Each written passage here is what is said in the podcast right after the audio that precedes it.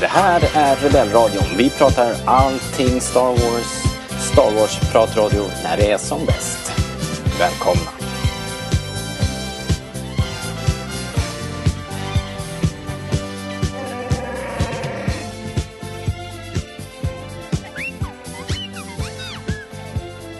Ni lyssnar på Rebellradion, svensk Star Wars podcast i samarbete med Star Wars.se. Och det här är den tredje Obi-Wan Kenobi-podden. Eh, och vilket jäkla avsnitt vi ska prata om idag. Eh, och vi som är här, det är jag då, Robert. Och så är jag med mig Hanna Granbom. Hej, hej! Välkommen! Tack! Tjenare! Granen. Eh, jag vet inte när du och jag poddade eh, på tu man hand senast, det var ett tag sedan. Fast det, Fast det är ju har inte man hand riktigt. Det betyder ju Nej, att det bara skulle vi vara vi. Det är sant förstås. Jag känner mig lite som Men- femte hjulet här. Ja. Ja, men precis. Vi har ju, vi har ju eh, gjort det svårare för oss genom att försöka få hit en gäst då varenda vecka nu här. Och eh, idag har vi med oss ingen eh, mindre än Rasmus Tyrsitis. Hjärtligt välkommen. Tack så jättemycket, kul att vara här. Välkommen tillbaka får man säga. Ju, eh, du har ju varit med en och annan gång ändå, men det var länge sedan nu. Det, Ja, det, ja men vi satt ju och försökte prata förut om just när, vi, när det var senast som vi poddade. Och jag kommer ihåg att det var vid något tillfälle när det var släpp av Episods 7-trailern som vi vet att Ooh. vi tjötade och sånt. Så att, lite osäker på om det är fullt så länge sedan, men det är det starkaste minnet. Men kul att vara tillbaka. Kan vara, kan vara. Ja men perfekt, vad kul. Eh, och eh, du har ju valt ett bra avsnitt kan man säga. Mhm. Det finns, finns lite att snacka om. Ehm, så att vi ska väl dra igång här på direkten, men vi brukar ju börja lite eh, med en lyssnarfråga. Och eh, så, ja men vi, vi gör samma sak idag. Vi kör lyssnarfrågan. Is the dark side stronger? But how am I to know the good side from the bad? But tell me why I can't. No, no, there is no why. Answer my question! Help you again? Yes? Mm. Lyssnarfråga. Dagens... Eh, faktum är att jag har fått in två som vi skulle kunna eh, titta på. Den första är så här, och, och det blir en direkt fråga som har med det här avsnittet att göra. Men vi kör. Eh, Stefan Åman, tror jag han heter på Instagram. Grustag? Frågetecken. Blir inte Star Wars som sämst när det ser ut som in real life? Eh, kort och koncist. eh, shots fired. Var det här dålig... eh, var det en dålig miljö? Hanna Granbom. Nej, det tycker jag inte. Ehm, Nej. Inte för... kort och koncist svar, life. nej. Nej. Alltså vad, vad är problemet med grustag? Jag Mm, tycker att det är väl ser, en... ser inte jätteroligt ut ändå.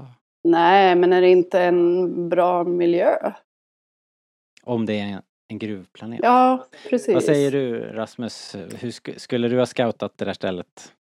Till Ja, alltså, nästa om- film? Om jag, om jag tänker så här någonstans. Det, det finns ju flera svar. Så här, in world eh, situationer. Så här, ja, men den här typen av miljö har vi inte sett förut i Star Wars. Eh, men sen om vi tänker att det här ändå är en tv-serie. Men även om det är liksom en hög budget, liksom för det är Star Wars och det är Disney, så har ju även de en begränsad budget. Och jag misstänker, om vi tittar på vad vi fick se i första avsnittet, det var Tatooine, det var liksom specialeffekter. Avsnitt två, en hel digital miljö nästan. Mycket kulisser. Så att det här kan ju mycket väl vara eh, the low point i eh, inspelningsbudgeten. Liksom så här, men vi behöver hitta mindre locations så att vi kan toksatsa sen de avsnitt som är kvar med specialeffekter och scenbyggen och allting. Jag har ju en liten svag känsla av att just den här Inquisitor-platsen som vi fick se glimtar av där i början kommer spela en större roll i kommande avsnitt. Det här Fortress Inquisitorum tror jag det heter. Ja, precis. Eh, Precis. just det, säkerligen. Vad heter det? Ja men precis, jag håller med. Jag tror eh, att det kan ha spelat roll också. Så eh, jag håller med, det såg inte jätteroligt ut men det var, det var ändå bra foto tycker jag så att det var väl OK. Men alltså, för bara Jag har ju verkligen inte ref- reflekterat över att det har varit ett grustag här så det har ju uppenbarligen inte varit något problem för mig. Mm. Men visst är det när Obi-Wan och Vader möts som vi Ja, snackar om men här. precis. Mm. precis.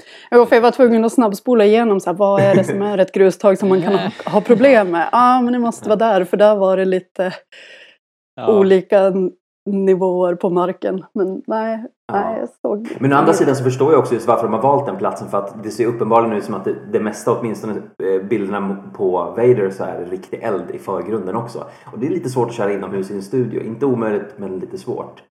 Eh, jag tyckte å andra sidan att oavsett nu om för det tiden var liksom... med den här volumtekniken så går det nog att lösa men, eh, men jag håller med dig, det såg ju det såg riktigt ut faktiskt. Mm. Men vem vet nu för tiden.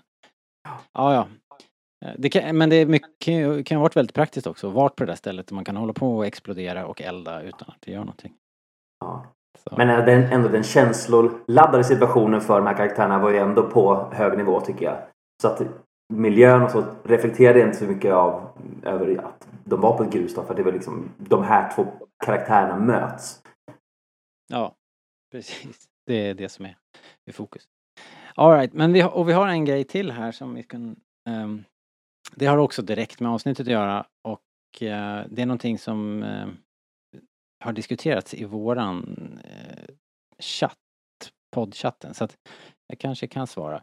Eh, det är Tobbe från, som var gäst förra veckan som har slängt in en fråga här. Vad har ni för teori om hur fan de har fått till Vaders röst? Eh, Mind blown. jag behöver emoji. ingen teori för att jag kollade på eftertexterna. Det är James Earl Jones. Mm. Yes! Jag vet, det är ju fantastiskt. Ja. Men faktum är att det lät ju otroligt bra och det låter bättre än när James Earl Jones gjorde rösten senast. Så jag tror det är det som folk har höjt lite extra på ögonbrynen. Ja, de har Ja, bättre och, ljudbehandlingsprogram. De har nog använt Ja. samma teknik som de använde för när de skulle få till Mark Hamills röst till Luke Skywalker så att den skulle låta yngre. Ja. Jag vet inte riktigt hur det ser ut men det var någon sån här röstbibliotek så att säga. Så det, det är Precis. ju James Earl Jones som har spelat in sig men så har de ju manipulerat det på något sätt. Kommer inte ihåg exakt vad det Precis, företaget heter som har gjort det. Eh, alltså det är nog teknik som de har nu för tiden i, i in-house. Men Daniel då som är, en, han, han borde ha varit här idag. Det här är ju Vader-tungt och han är ju Vader-fantast. Och dessutom Och ljudtekniker. Så, så Mm. han hade ju kunnat... Och, så, så han har svarat i vårt forum idag, eh, bara där vi hänger då. Och eh, vad det lät som, om jag ska försöka återberätta vad han sa, så då var det som du sa Rasmus, den här tekniken där man då bygger upp ett bibliotek av eh, en persons röst från förr, kanske material från James Earl Jones yngre dagar. Och sen eh, kan man då, ungefär som en deepfake video fast med ljud, då kan man få mappa den rösten över en, ett annat framträdande. Men så menar han också att det håller inte om inte själva um, skådespeleriet som görs nu, om inte det är i rätt tempo och i rätt, eh, har rätt eh, rytm och så, så kommer det ändå låta konstigt. Så att Mm. eh, de har helt enkelt fått ut mer av James, James Earl Jones till det här eh, avsnittet misstänker jag. Och det Men- kanske är Deborah Chow som har liksom inte hanterat honom liksom lika, eh, hanterat honom lite mer styvmoderligt helt enkelt och eh, kunnat eh, få ur rätt material ur James Earl Jones. Man kan ju tänka sig att om det är något som i, som i, för han gjorde rösten i Rebels va? Och eh, där uppfattade nog de flesta att det lät som att han var lite trött. Och då tänker jag så här att om det är Dave Filoni som står där och fanboyar och är starstruck så kanske han kanske inte kan dirigera, alltså regissera tillräckligt eh, bra helt enkelt. Han är ju trots allt nästan 90 år också, James Earl Jones. Absolut, så det, man förstår ju att eh, det inte är samma energi. Men här lät det ju perfekt, måste jag säga. Mm. Absolut. Nej, men det lät ju som eh, Empire Strikes Back. Vader. Ja, typ. Ja. Jag blir så himla fascinerad varje gång det kommer ett nytt Star Wars och någon av de liksom, originalkaraktärerna, skådisarna, är med. Mm. För att det börjar ju bli himla länge sedan. Ja. Ehm, Precis. Så att det är alltid så här, men vänta, va? Fortfarande? Hur har de... Nej men hallå? Ja. Ja, Jag tycker det är Och grejen med det här är, ja det var ascoolt och, och grejen var vi pratade om det någon gång här just, just James Earl Jones och är det dags att kasta om och sådär så jag satt här och ja, ja nej men alltså det, det vore väl okej liksom fast han är i livet liksom att man, det är väl kanske dags att byta om så nu, och så hör jag det här nu då skäms jag ju liksom. Bara för att jag tänkte tanken alltså. Så, ja men det är häftigt. Och han är ju en unik röst verkligen. Mm, absolut. Fantastiskt. Alright hörni, men det var ju frågorna. Vi har ju redan eh, Mm. glidit in på resten men det var frågesegmentet. Så nu eh, drar vi igång det här på riktigt. Nu kör vi. Yes. Oui. Der Kampf ist vorbei. Wir haben verloren.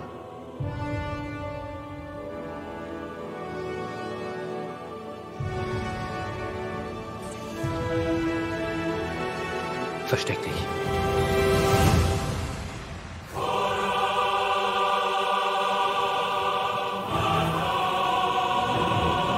Das Entscheidende bei der Jagd auf die Jedi ist Geduld.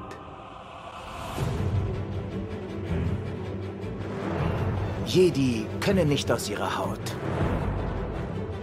Ihr Mitgefühl hinterlässt eine Spur. Der Jedi-Kodex ist wie ein Juckreiz. Er kann nicht anders. Wo ist er?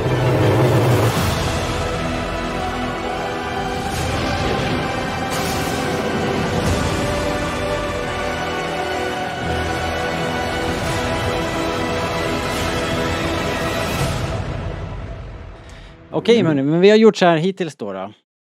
Att vi har helt enkelt bara dykt in i, i avsnittet och gjort nedslag där vi vill. Ni behöver inte fundera på kronologin utan vi tar, tar det som det kommer och pratar om det som vi tyckte var ja, häftigast eller som Ja. vi eh, är mest sugen på. Men vi kanske ska börja då helt enkelt bara på, bara för att kicka igång, börja från början.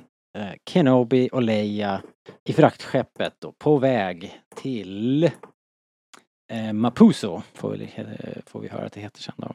Och inflygningen är cool tycker jag, ser riktigt bra ut, hela planeten, skeppet är rätt coolt och eh, av någon anledning så landar de på en eh, bergstopp. så här opraktiskt om man ska lasta av gods. Men okej, så coolt ut. Då kan man använda tyngdkraften Ehm. för att få ner det dit man vill. Ah, man bara rullar den ner Ja, sen förstås. Smart Hanna, smart! Ehm, och så hajkar de iväg ut där, de ska till en viss koordinat och... Får jag bara stoppa lite där? Alltså vi har ju faktiskt Yes. supercoolt Darth Vader-ögonblick när vi får se hur Anakin lyfts ur banktanken och liksom sätts Ja, ihop. just det. Just det, just det. Mm.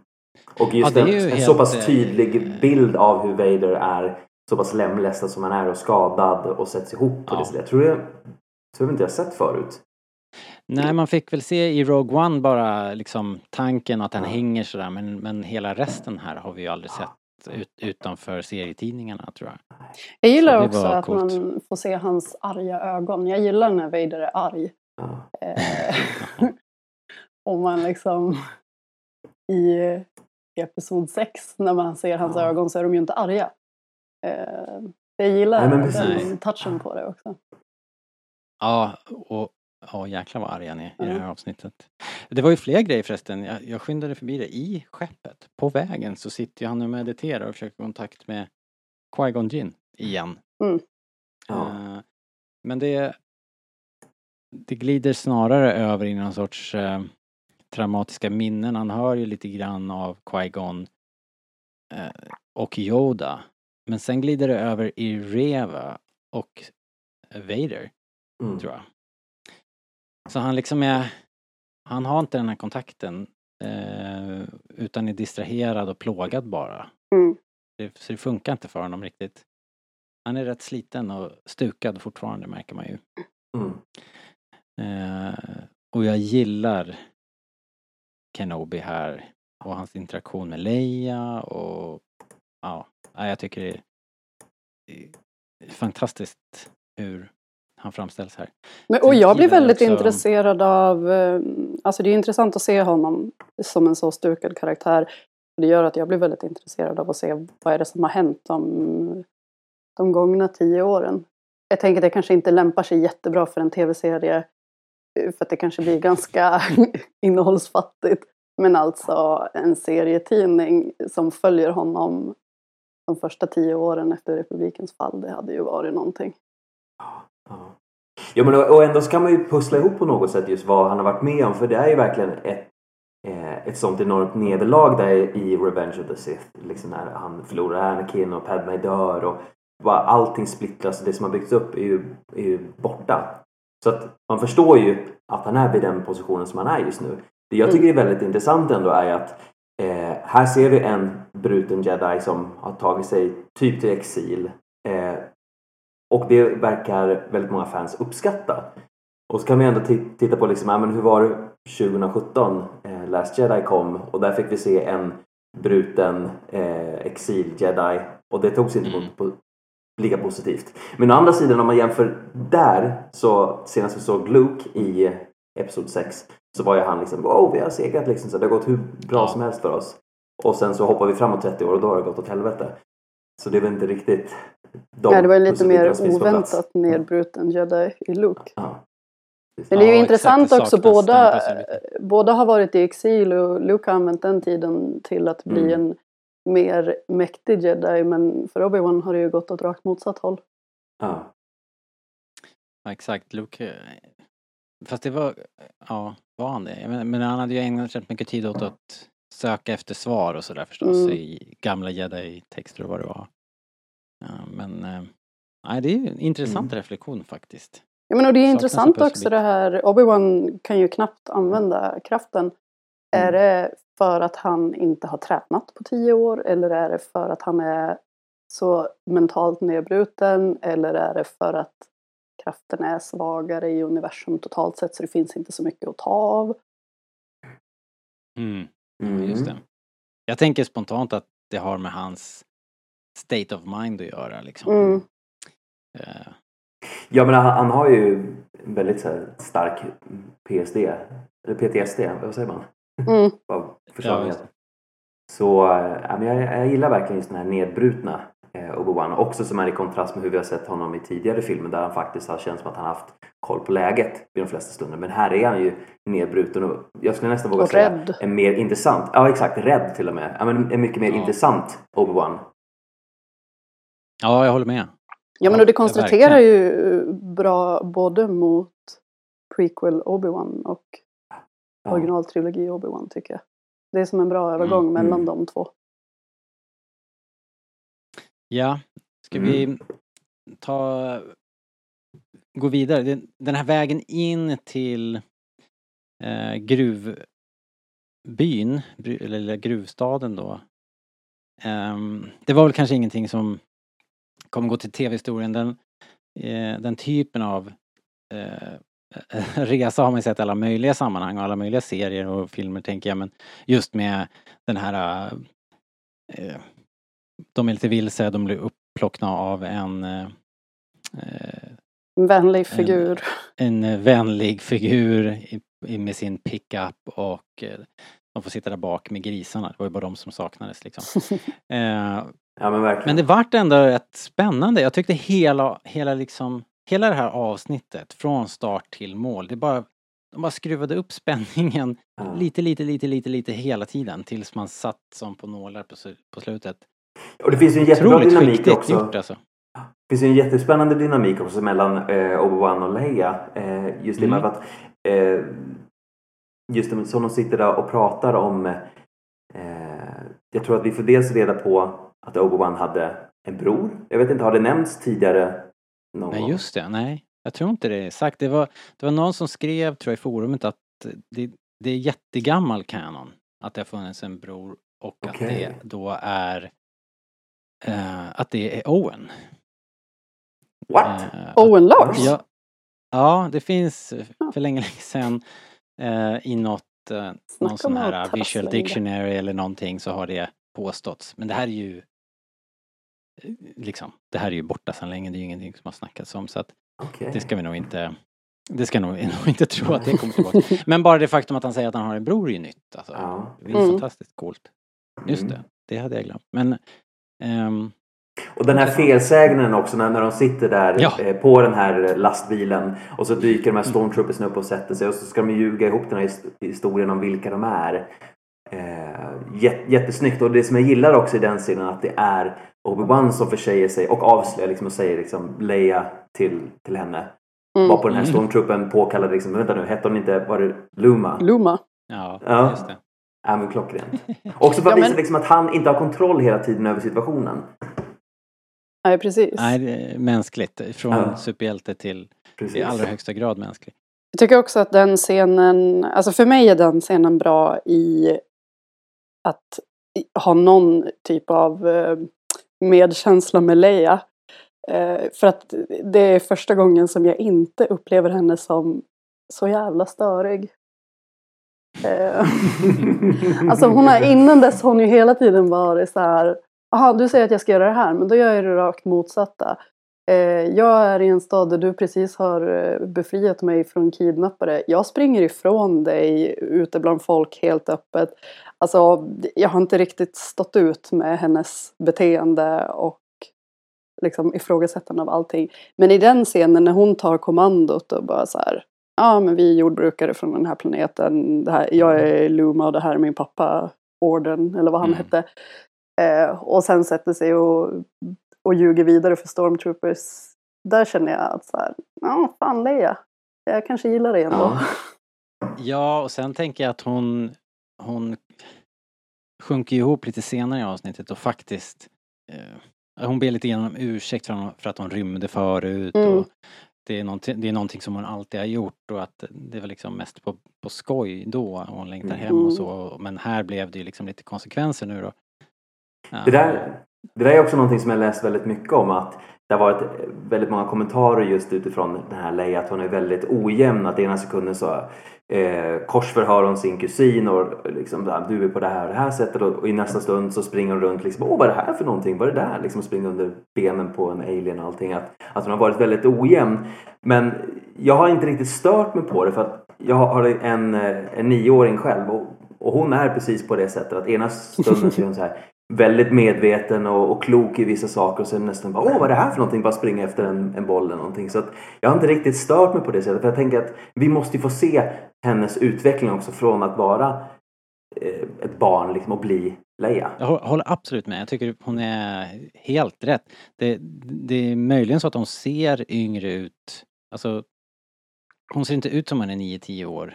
Nej, det reagerar jag också Hon, på. har- hon, hon har liksom ett rörelseschema som ett, som ett yngre barn. Ja. Men, men, men i övrigt håller jag med dig Rasmus. Det är, det är väldigt mycket den där åldern där man kan bli helt förbluffad över Mm. deras förmåga att resonera och reflektera ena sekunden och sen nästa sekund som du säger så bara eh, ja, du vet. Ja. Ja, men precis. över, över en jojo. ja, exakt. Men, och jag tycker inte att det är, alltså, jag, jag har inga problem med karaktärer som stöps i många olika former eller vad man ska säga. Mm. Det behöver liksom inte finnas en enhetlighet men i eh, förra avsnittet där i stort sett hela plotten gick ut på att hon bara var dryg och gjorde som hon ville. Då kände jag så här, men okej. Har ni inte klurat fram något bättre här? Mm. Men eh, nu, nu hade de ju gjort det i det här avsnittet så det var ju skönt. ja, pusselbitarna föll på plats lite grann. Ja. Man, har, kan ju inte, man kan ju inte riktigt relatera till en prinsessa heller tänker jag. Man umgås ju inte så mycket med prinsessor. Nej, Eh, det har hänt de väldigt kanske, sällan. Nej men och de har ju också säkrat sig lite med att de pratar om att hon har ju varit väldigt isolerad där på Alderand och nu är hon ju fisken ur vattnet. Eh, Mm. som Yes. kommer till de här olika platserna och sånt. Så det, man kan ju för- förstå liksom den reaktionen också. det tycker jag. Mm. Det var, ja det funkar för mig, helt klart. Mm. En till väldigt Ehm. intressant observation just med eh, avsnitten än så länge. Eh, nu har vi ju inte sett liksom så här helheten men för varje avsnitt så har det varit en ny planet. Som större delen Mm. av avsnitten utspelas på. Vilket är Just ju en fantastisk kontrast om man jämför med Book of Boba Fett där vi bara var öken, öken, öken. Ja. Mm. Och man var orolig innan eftersom man visste att det skulle handla om eh, Kenobi i exil och att han skulle sitta där och Ja. titta på Luke i sex avsnitt. Så, Precis. så visste man ju att "Åh, sex avsnitt till. på Ted Lasso." Så det är ju också en nice twist. Men vi ska, vi ska pusha vidare. Eh, vill ni prata lite om Freck, den här uh, råttan som kör lastbil? Eh, jag tyckte att han såg cool ut. Det var en jävligt cool mask. Mm. Eh, eller vad vi ska säga, design kanske då på den här rymdvarelsen. Riktigt cool. Ja, jag hoppas att allting är praktiskt. De här små tentaklerna som är längst fram vid hans näsa som rör sig så fort han pratade. Ja men det tror jag Mm. nästan. De har ju varit eh, mycket på med det där nu och, och sådär. Det ska bli kul att se lite bakom scenerna sen. Men i övrigt vet jag inte. Zach Braff var det som spelade. Eh, åtminstone gjorde rösten. Eh, känd från Scrubs då, då för er som eh, tycker sånt. Eh, men sen då, fram i byn där och eh, det visar sig ju, nej men vänta, vi måste ju kanske, det var ju en twist där också. Freck tar, tar ju dem ju fram till den här vägspärren. Eh, som eh, de eh, tog sig igenom. Då de med, med lite, eh, Den mexikanska gränsen ja men typ va. Men där kändes det ju Eh. som att Obi-Wan visade lite, lite av sitt forna jag. Att han liksom såg den Ja, här precis. probe-droiden som kom och liksom spände blicken i den och sen sköt den. Mm. Som att han sa, okej, ni har sett mig, jag vet att ni har sett mig, jag vet att ni kommer. Vet ni vad? Jag är beredd. Ja, precis. Jävligt coolt faktiskt. Ja. Ehm, Och så underbart att han inte använder sitt lightsaber utan att han Ja. använder sitt eh, uncivilized weapon. Verkligen. Han hade ju annars kunnat, jag menar, han skaffar sig ju övertaget relativt snabbt. Han kunde ju åtminstone istället för att dra iväg en så här laserbolt i öronhöjd på Leia, hade han inte kunnat göra något litet mindtrick eller någonting där tänkte jag liksom. Men Ja, han kanske jag- inte jag- litar på sin egen förmåga där då. Mm. Ja, jag tänker det så. Och att han inte vill dra fram sin ljussabel för att han inte, även fast det här gänget då vet att han är jedin de letar efter så vill han inte avslöja att han är en jedi. Nej, kanske, kanske. Eh, men vad som händer härnäst är ju då att den här eh, Tala eh, dyker upp med en eh, eh, grupp stormtroopers, ett nytt fordon kommer dit och det ser ju väldigt dystert ut nu då. Och så helt plötsligt så, så flippar de på allting igen och så visar det sig att hon är en motstånds eh, ja, med i motståndsrörelsen och eh, en del av någon sorts underground railroad grej. Det vart ju, jag tyckte det var riktigt coolt liksom. Mm. Helt plötsligt så, så igen liksom en twist som man inte såg komma. För hon, grejen, hon hade ju varit med i, eh, i, eh, i trailrarna, båda tror jag. Så att man visste att hon skulle komma, men- men hon ser ju otroligt bra ut i sin uniform. Superbestämd och liksom ut som en riktig hard-ass liksom. Och sen så kom den här twisten. Det var jäkligt coolt tyckte jag. Det är väl också en, en till Game of Thrones eh, skådespelare som tar steget från Game of Thrones in till Star Wars. Eh, ja, vem eh, mer? Ja just sjuttsingen. Eh, Pedro Pascal va? Eller vem Ja, precis. Ja, Precis. Och jag tror att de spelar mot varandra i om de är syskon eller älskare i Game of Thrones. Jag vet inte, Ska osäker de men... gifta sig där? Är det det de... Ja, jag Jag ska inte spoila den tv-serien kanske. Nej, Men de, jo de har scener ihop i alla fall. men en, en till fantastisk grej i vad vi pratar det här avsnittet generellt är ju hur pass brutalt det är. Jag menar vi ser stormtroopers Som som klyvs på mitten, det är barn som får nacken, eh, Ja, som Mm. knäckta, herregud. folk stryps längs gator. Har Ja men det här när Vader liksom släpar folk över marken. Ja, nej, och kvider och, och skriker. Nej, det var fruktansvärt. Om man ska ta den scenen på gatan där när eh, igen då Kenobi som ni snackade om förut att han är, han är rädd. Tydligt rädd. Eh, han vet att hans närvaro där liksom är det som Vader är där för och, och liksom homar in på.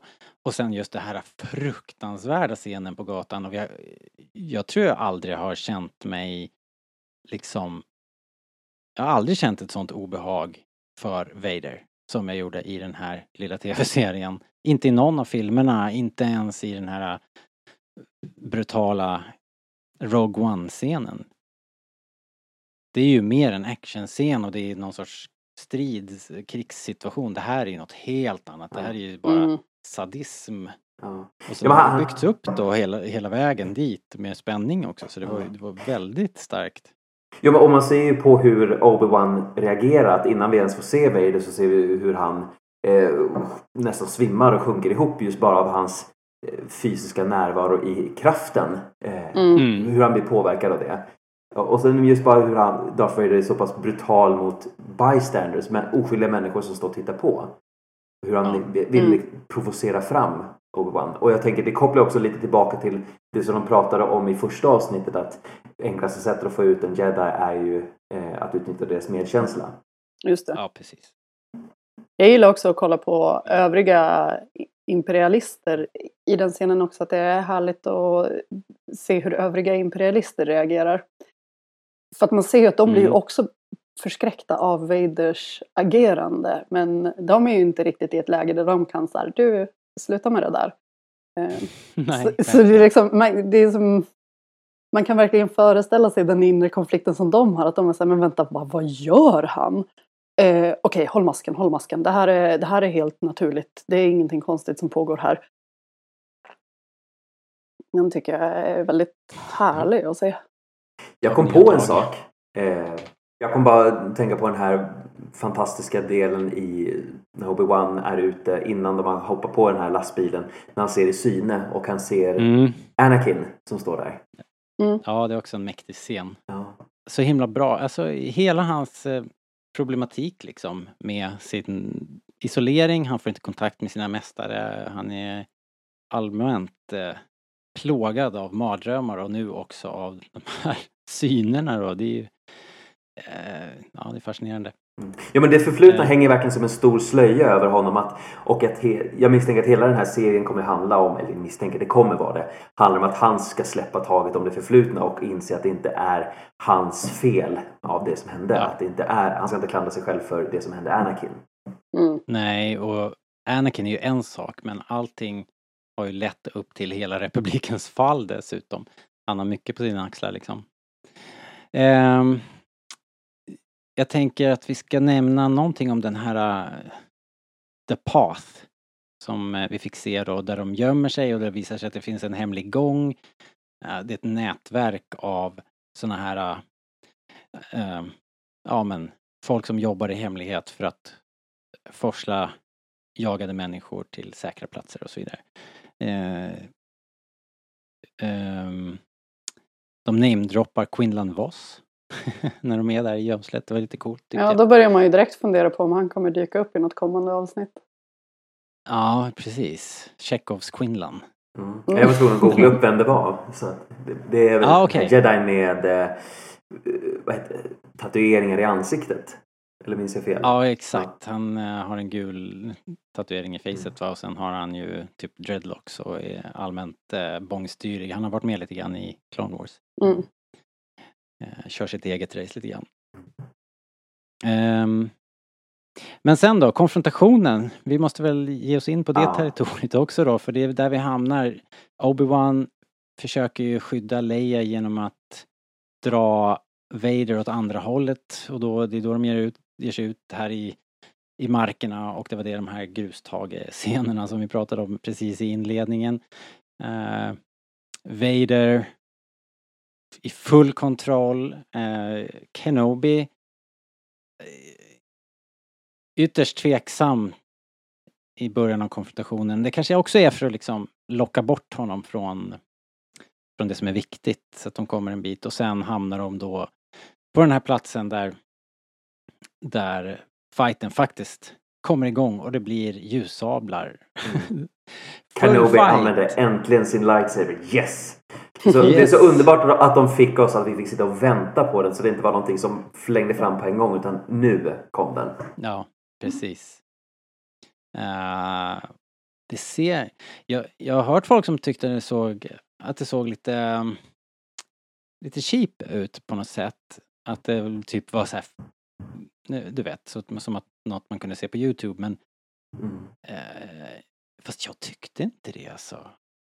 Jag tyckte det såg riktigt bra ut och de här, det, det är väl möjligen då att det är filmat i mörkret där och sen de här nya ljussablarna de använder som ger ett väldigt ett, ett ordentligt sken liksom, direkt i bild gör ju att de lyses upp på ett sätt, alltså reflekterande ljus som vi kanske inte sett sådär jättemycket förut. Nej, sen får vi också tänka sig så här att vanliga dödliga människor har ju inte suttit och bara slukat Star Wars fanfilmer efter fanfilmer där vi har sett liksom så liknande situationer. Folk som är i en mörk plats och så har, som är belysta av lightsabers. Eh, Vi är väldigt statuerade med, med det men någon som inte har sett det så är det här någonting nytt ändå på det sättet. Ja, det är ju det. Vi, är ju, vi är ju inte typiska på så vis. Och det är Vader i sin prime som möter Obi-Wan. Det är ju svincoolt. Obi-Wan, Ja. Verkligen. Alltså jag har ändå problem med den här scenen. Jag har inte problem med grustaget men jag har problem med scenen som helhet. Det är ju en väldigt så här extra allt. Tre avsnitt in så ska eh, de stora karaktärerna i serien mötas i en showdown. Och jag tänker att så här Ja, och den ena är starkare än han någonsin har varit och den andra är svagare än han någonsin har varit. Men ska ändå undkomma med livet i behåll. Alltså, ska man ha en sån scen så måste man sköta det jävligt snyggt. Och jag kände att det blev lite så här. Ja, fast alltså i vilket läge som menar helst. du Menar du sättet han kommer undan på? Ja, men jag, ja, jag känner att i vilket läge som helst hade Vader kunnat döda Obi-Wan här. Jag, jag ser det inte som en rättvis kamp någonstans, eller som en jämbördig kamp. Eh, och då faller det platt för mig. När det, det blir mer som en uppvisning än som en reell situation. Jag, tror, jag tror också att det här kommer vara en av åtminstone två stycken fighter som vi kommer få se mellan eh, Obi-Wan och, och Vader. Att här är han ju inte beredd, han, han har inte varit sig själv och förlorar eh, fighten mot Vader. Och då kan vi också gissa på att eh, de kommer möta varandra i ett senare avsnitt och då förhoppningsvis blir det någon form av vinst för eh, Obi-Wan. När Ja, han liksom och sen- lyckas hitta tillbaka till sig själv. Rimligt. Sen får jag problem med den här scenen också i relation till Episod 3. När Vader säger att eh, I was but the learner, now I am the master. Eh, men alltså då har de ju... Då säger han det, plötsligt blir den repliken i en knasig kontext. För att då har de ju träffats flera gånger där han är den som har övertaget. Om inte det svänger nu då och de möts igen och eh, Ja. Obi-Wan piskar Vader ordentligt liksom. Jag har ju en stark teori där att eh, eftersom att Qui-Gon Jinns namn har nämnts i mer eller mindre varje avsnitt än så länge så tror jag att han kommer vara en slags väldigt viktig nyckel till att eh, få tillbaka Obi-Wan till sitt mer forna jag eller liksom kanske ett ännu mer starkare, lugna jag som kan sen besegra Vader. För att när vi, det här avsnittet slutar så är det ju verkligen det lägstaste lägstaste för eh, Obi-Wan att han har ju förlorat Leia som har hamnat i klorna på eh, jag vill säga Raven, men vad heter hon? Reven? Reva. Reva. Re, Ja. Reva. Eh, och liksom, bese, eh, liksom beslagen av, av Vader. Tyvärr inte bränd i ansiktet med tanke på vad som hände. men, eh, men ändå väldigt... Eh, jag, jag gillar ändå just den här biten av att Vader vill, eh, vad säger man, eh, en tand för en tand. Att eh, liksom så, Ja. du brände mig, nu ska jag bränna dig. Det ligger ju i psykopatens eller sadistens eh, liksom eh, mönster på något vis att han och att han skyller allting, han skyller allting på Kenobi. Mm. Eh, och det är ju såklart våldsamt snett. liksom. Men det är så han är, det är där han är. Och, och han, han vill bara ge igen på allt och alla och Kenobi i synnerhet. Eh, eget ansvar Vader. Men jag tror en annan anledning till att jag har svårt för den här scenen är också att den befäster ju hur viktig Obi-Wan är för Vader. Att det här verkligen är en prestige att hitta Obi-Wan och förgöra honom. Vilket gör det ännu mer så här tveksamt att okej, Obi-Wan har hängt på Tatooine. Och Vader har inte hittat honom. Fast det vet vi ju inte riktigt liksom. Det är det som...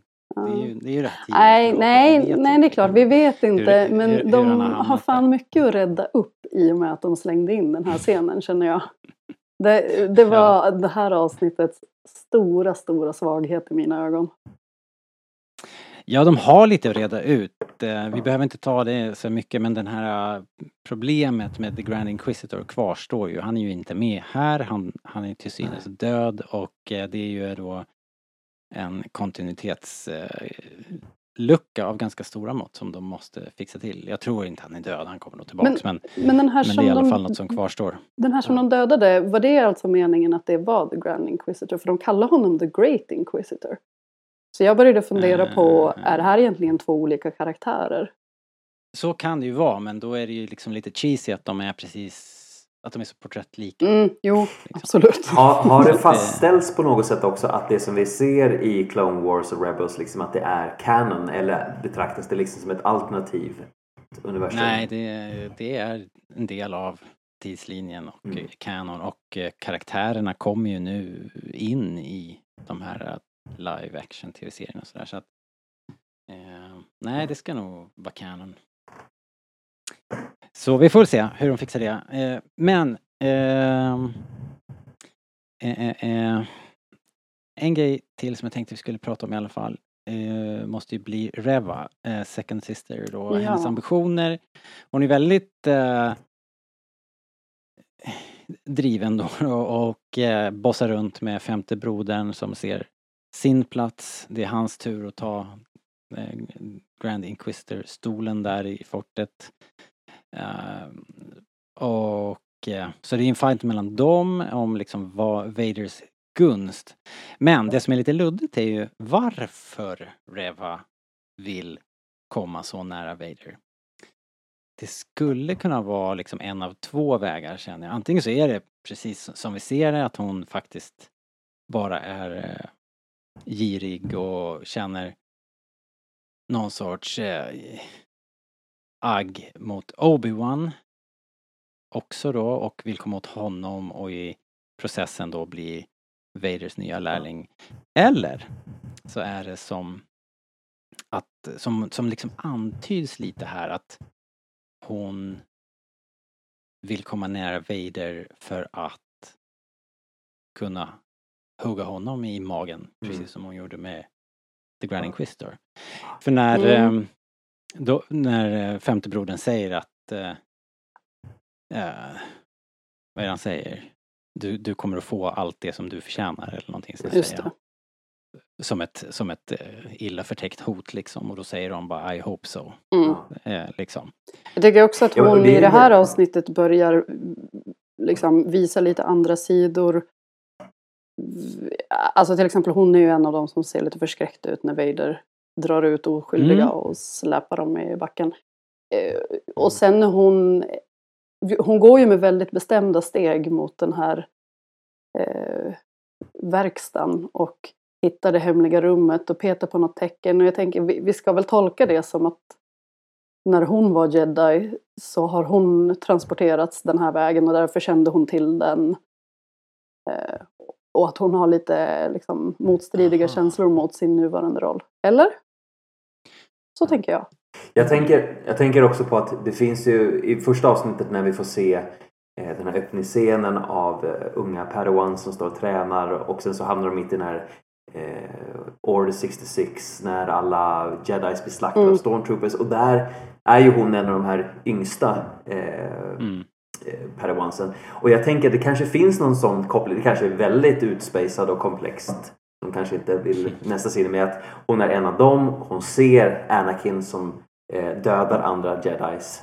Eh, och då kanske hon i liksom sin hämnd vill liksom ta sig så klättra upp så pass högt i rang att hon, precis som du säger, kan hämnas på honom. För Ja, det, det är någonting som också kommer fram är ju det vi hade här. Det här Ja. är någonting vi har pratat om och, och jag är lite inne på det. Eller ja, i och för sig, jag hade inte den här sista pusselbiten då, att hon, att hon gjorde allt det här för att eh, ge igen på Vader. Utan jag Nej. trodde hon hade i det där uh, virvaret i templet då hört hört och sett både de saker om Anakin som ju då var jedi och hört saker och ting om, överhört liksom kanske Yoda och Kenobi som, som ju bara släpper allt där och då och så hon är ju Ja. liksom sviken av alla. Ja. För det, det, det får jag också förstå det, det. det är ju någonting i alla fall där, det är ju någonting med det. Det vi också förstår där i den här scenen mellan eh, Third Sister och eh, Fifth Brother är ju det att att prata med Vader är ingenting som tillhör vanligheten. Att man kan inte bara plocka upp eh, hållluren och ringa till honom. Utan det, till, det är verkligen så här vissa led som man behöver gå förbi för att komma i kontakt Mm. med honom.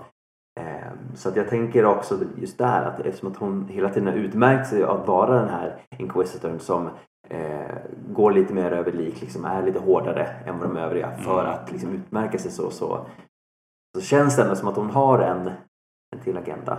Men sen kan det ju Mm. mycket väl vara så också att vi sitter och tittar på en eh, redemption-historia. Att eh, hon är en jedi som föll, eh, blev liksom Dark Jedi ond och kanske Leia är en nyckel för henne att så att säga ta sig tillbaka till ljuset. Och så Mm. kanske hon blir Det- dödad. Det var ju min teori så sent som i tisdags. Liksom.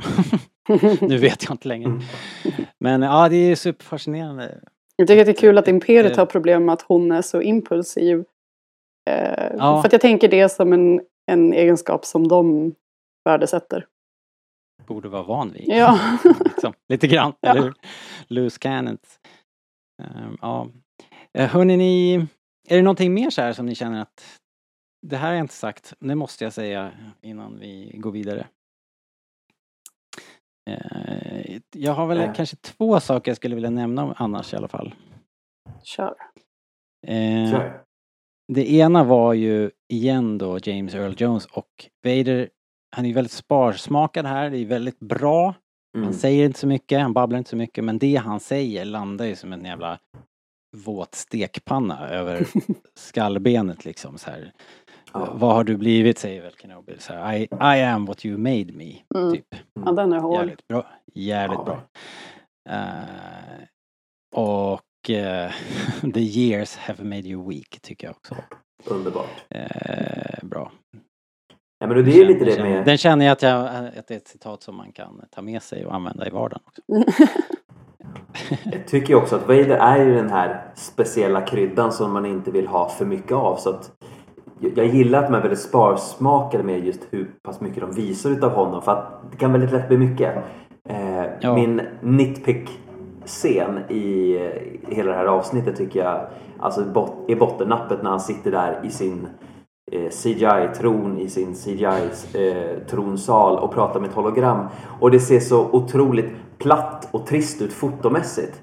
Och då har vi precis sett en otroligt snygg, dramatisk, mäktig scen när han blir ihopsatt och sen hur han bara kliver ut ur den här eh, kammaren. Mm. Och sen kommer den här jätteplatta scenen eh, när han sitter och pratar med henne. Men sen nästa gång när vi får se honom då är, ju en sån otroligt dramatisk eh, introduktion när han kommer där i, i staden. Så att Gåendes ja, Mm. ja precis. ja, i, i min fan är det till huvudet är ju liksom att de tar bort den här scenen i tronsalen.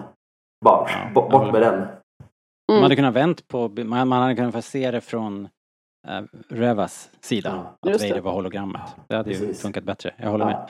Ja men och egentligen hade man ju inte behövt se den. Alltså vi- hon och... Ja, det var väl hennes ambition där. Liksom, Ja, jo, Men, eh, jo men jag tänker de refererar ju till den hon och femte brodern eller vad han nu är för nummer. Ja. I, Ja. I en senare scen. Det hade ju kanske kunnat räcka. Och The Grand Inquisitor is of no concern, säger de också. Mm. Frågan är om det stämmer eller om det är en av Vaders eh, många tester. Eh, ja, men och sen en grej som jag ändå vill nämna då, för vi har pratat om det här grustaget och att en del hade problem med det. Och jag kan hålla med om att det var inte så jättespännande men det, finns, det funkade ändå. Det som inte funkade, som, som fick mig att skratta när jag såg det var ju när de skulle lägga de här vägspärren. Eh, som, låg som, i en, som, som låg som i en sänka i, där vägen gick fram mellan två kullar och sen så kommer de inte fram för det är laserstaket liksom och de skjuter sönder laserstaketet. Och så istället för att ta bilen igenom som hade varit, då hade ju allting varit logiskt. Mm. Men de bara går förbi. Ja, de hade lika gärna kunnat gå på andra sidan stolpen. Du kunde ju ha gått runt hytten där Ja. så hade du, ja, makes no sense. mycket, mycket märklig location. Eller så är det så som du säger att eh, eh, Rasmus att, att, att det är en, eh, en pengafråga. Det kanske skulle ha varit en lång jävla mur där liksom så här digitalt eh, basbygge, vad vet jag, liksom aldrig liksom blev av. De bara sparade in det. För annars, det, det, liksom, det var helt så här mind-numbingly stupid. Eh, Ja. men det är ju, här är ju nitpicks ändå får man ju säga i ett, ett jäkligt snyggt avsnitt. Och otroligt spännande och in, intensivt. Jag har aldrig upplevt Vader på det viset som sagt. Det var, vad fan, barnförbjudet. Var det någon varning? Would somebody please think of the children? De enda varningarna de har är väl att är blixtrande ljus eller vad det, vad det nu Mm. står. Annan Men ingen så här... äh, ingen rated R for violence. Vad är det för åldersgräns på den här serien? Ja, det är en bra fråga. Jag har inte kollat sen noga. Men det, det var ju väldigt våldsamt. Och den har ju varit våldsam tidigare också. Eh, men det här var ju ändå på en helt annan nivå känner jag med det här tortyren och urskillningslösa dödandet av civila. Mm. Och barn framförallt. Också och barn, precis, unga människor och dessutom tortyren och Kenobi. Så det, var, det fanns en del att för, eh, vad heter de, eh, eh, censurbyrån att sätta saxen i här. Ja, men, och det är väldigt Hade- fascinerande också att Hade det varit ett avsnitt- 1982 hade det inte blivit så mycket kvar. Nej. Nej, men om man tänker också så här att i ett avsnitt som var liksom så här, nej men det här är, nu sparar vi igen budgeten. Så händer det ju så otroligt mycket också. Jag menar, vi, Oh ja, för fan. Det är ju liksom... vi har skrapat på ytan på alla saker som man skulle kunna prata Ja, ja, om ja, ja. kring eh, det Mm. här avsnittet. Så att, och, och framförallt det gäller att inte glömma bort, man kan nitpicka hur mycket man vill. Men det är ju så otroligt härligt. Det finns ny Star Wars content att prata om och just de här scenerna som, som vi får se nu liksom. Det är ju saker som man har mer eller mindre drömt om att få se. Ja. Ja, verkligen. Och än så länge måste jag säga, jag sa det sist också, att liksom det här är ändå innehåll, alltså den delen av historien man, all, man alltid har funderat på, vad hände de där åren? Och Mm. hittills så tycker jag den här pusselbiten passar väldigt bra i hålet liksom. Jag är väldigt nöjd. Ja. Så eh, jag längtar till onsdag och, och Mm. eh, får se resten. Nu känns det som en jättelång period också innan vi får se nästa avsnitt. För nu har vi blivit Ja. väldigt bortskämda. Det har knappt gått en vecka. Och vi har sett liksom Ja. tre avsnitt redan. Vi är halvvägs in i säsongen. ja. Eh, ja, man började nästan gråta när det var slut Mhm. för att det var en hel vecka kvar. Eh, men hörni ni, vi har snackat eh, ett, ett bra tag här nu. Ska vi, ska vi göra så här att jag trycker på knappen, vi går vidare till succésegmentet Most Lovable Extra. Why do I sense we've picked up another pathetic life form? Tell that to Kanji Club. Yes! Most Lovable Extra. Vi brukar ju vara schyssta då och låta gästen köra först. Eh, eh, så that means you Rasmus. Har du hittat någon i all den här misären? Har du hittat någon, någon Most Lovable Extra som är värd att, att nämna? Någon som sticker ut lite grann? Någon som du fastnade för? Ja, nej, men alltså, jag skulle väl nog säga att eh, ett av mina favoritögonblick är ju när den här eh, när Vader går lös på den här familjen där han först lyfter ut pappan genom fönstret och stryper honom och så blir det ju tumult och panik där inne och så springer sonen ut för nacken knäckt och så mamman som hänger där vid dörren. Det är ju riktigt starka, Ja, starka bilder så att det, det är nog det som sticker ut verkligen. Ja. Ja, det är ju svårt att ducka för Mm. liksom. Det var ju otroligt starkt.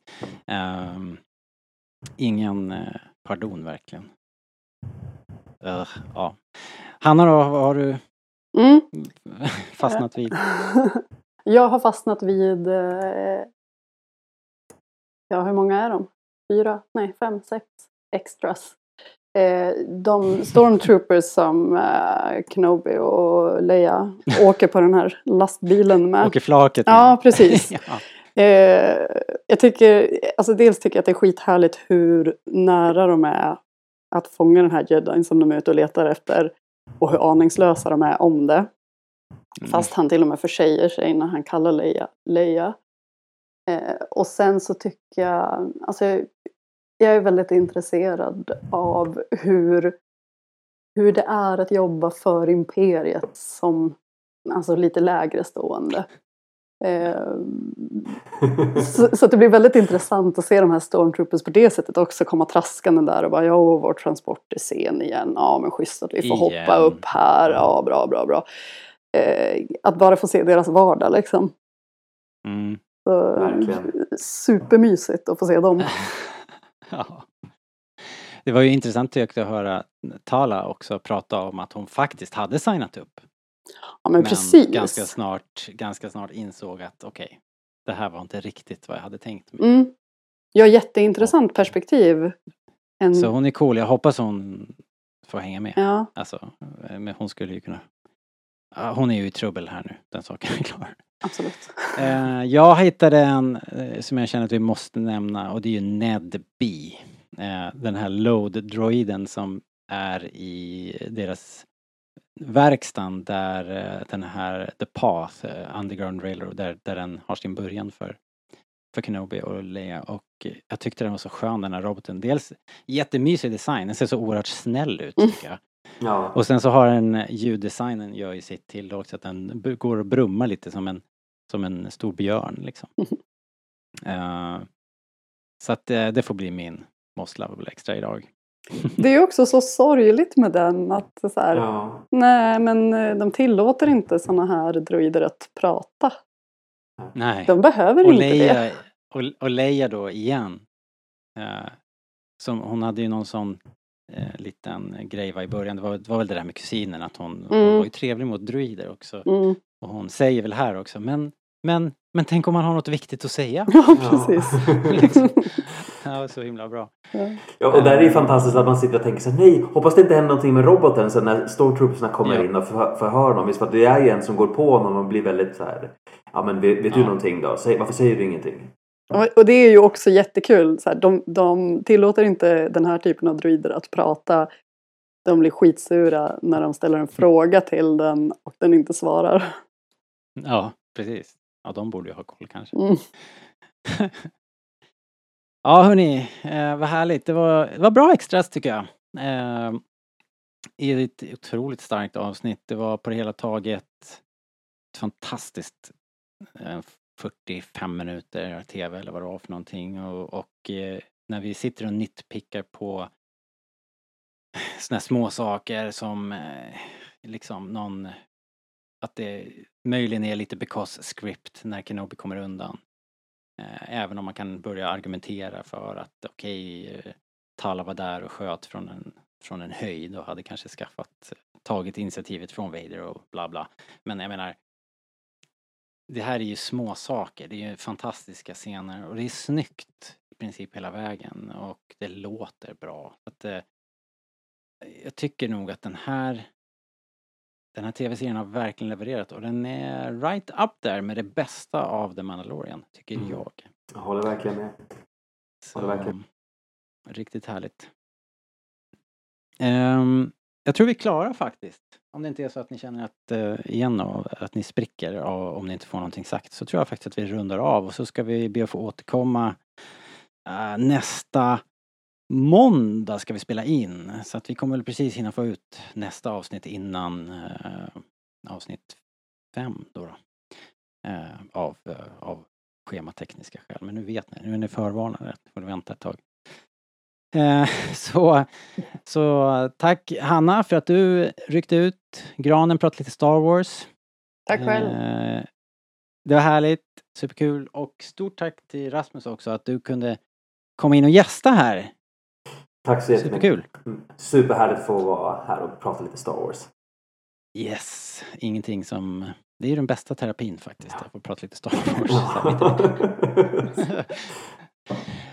eh, då så. Ha det så bra hörni. Tack så mycket. Hej då! Hej hej! Hej då.